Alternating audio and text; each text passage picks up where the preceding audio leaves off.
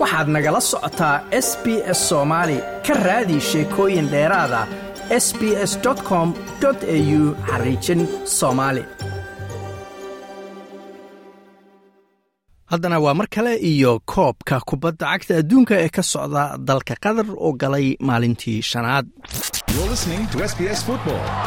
Cayaar xiisa badnayd oo shan gool la iska dhaliyey oo dhex martay bortuqiiska iyo gaana ayay cayaarihii maalintii shanaad ku bilowdeen iyadoo xidiga kubadda cagta ronaldo uu taariikh sameeyey kadib markii goolkii ugu horreeyey uu dhaliyey dalkiisa waa bortuqaale switzerlan iyo brazil ayaa sidoo kale guula ka gaaray afartii cayaarood ee u dambeeyey ee ka dhacay dalka qatar. Christiano ronaldo ayaa taariikh ka dhigay wool kaabka ama tartanka kubadda cagta ee adduunka subaxii hore ee jimcaha markuu noqday cayaartooygii ugu horreeyey oo shan cayaaraha adduunka oo kala duwan goolal ka dheliyey wuxuu goolal ka dheliyey dhammaan tartamadii wixii ka dambeeyey labadii kun iyo lixdii. Goolkiisa ayaa ka mid ahaa saddex gool oo bortuqaal ay dhalisay. Sidaasna ay bortuqaal kaga adkaatay ama kaga guulaysatay dalka gaana ee afrikaanka ah waa ronaldo ayuu yidhi waa hal iyo eber ay bortuqaal ku horrayso waa wakhti taariikhi u ah tartanka kubadda cagta ee adduunka.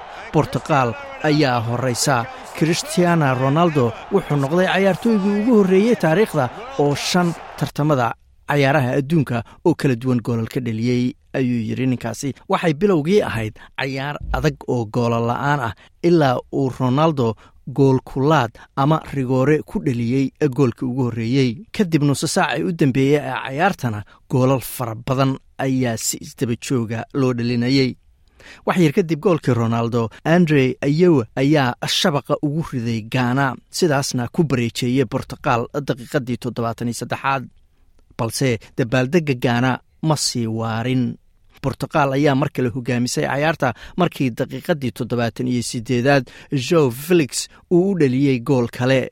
Laba daqiiqo kadibna rafael liw ayaa saddex iyo hal ka dhigay natiijada. Gaana ayaase gool labaad dhalisay daqiiqadii siddeetan iyo sagaalaad.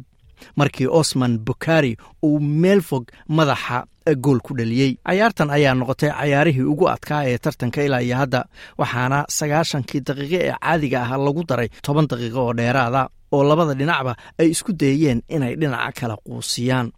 Laakiin ma suuroobin waxayna ku dhammaatay saddex iyo labo ay bortuqaal markaasi guusha ku raacday andre ayow oo ah weeraryahanka gaana ayaa sheegay inuu aad ugu faraxsan yahay adkaysiga ay kooxdiisu maanta muujisay uuna filayo inay saxaan wixii ka khaldamay cayaarta tan xigta.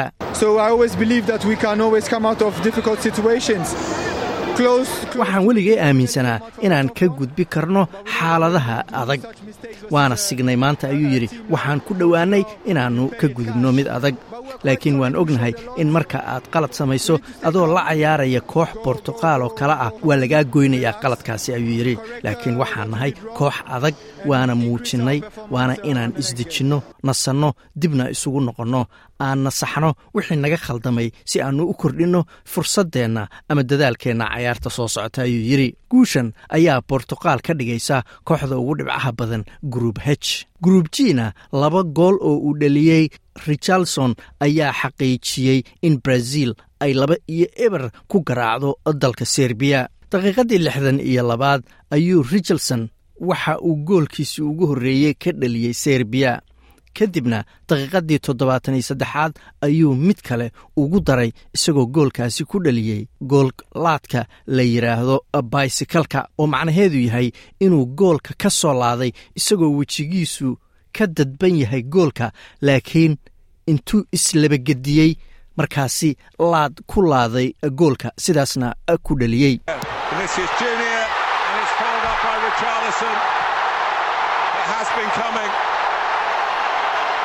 waa junior. Wuxuu u dhigay richardson waa la filayey. Mar dhow ayuu soo galay cayaarta oo banoonigaba ma uu taaban. Laakiin taabashadan ayaa muhiim ah wuuna dheliyey goolkii koowaad iska caadi ayuu ahaa kanna waa mid cajiiba ayuu yidhi. Cayaartan ka horna kulankii kale ee gruub h way kala bixi waayeen urugway iyo kuuriya oo cayaartoodu ku dhammaatay eber iyo eber. Tababaraha kuuriya paula bento ayaa sheegay in kooxdiisu ka faa'iidayso bareejadan ay dagaalka weyn u galeen oo ay kaga soo horjeedeen koox aad loo saadaalinayay inay iyaga ka adag tahay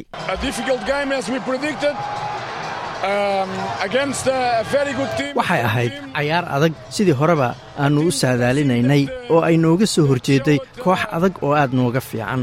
Koox sidaan anigu qabo ixtiraam badan u haysay kooxdeenna.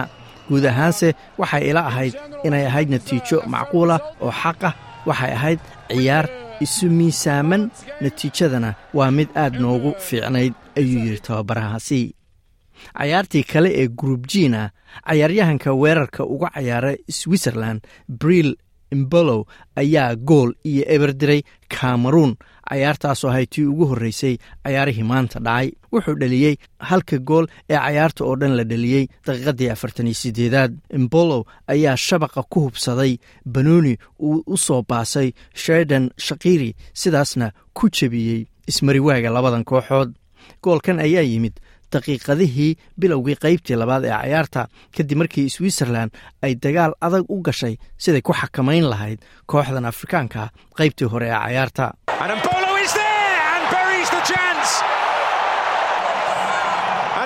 Imbelow ayaa jooga ma dabaaldegayo bred imbolow wuxuu goolka ka dheliyey dalkii uu ku dhashay.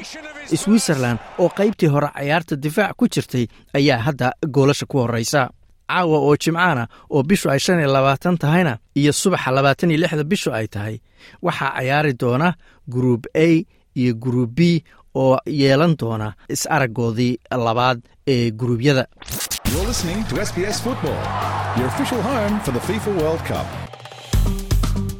like aas la wadaag wax ka dheh lana soco barta facebooka ee sb s soomaali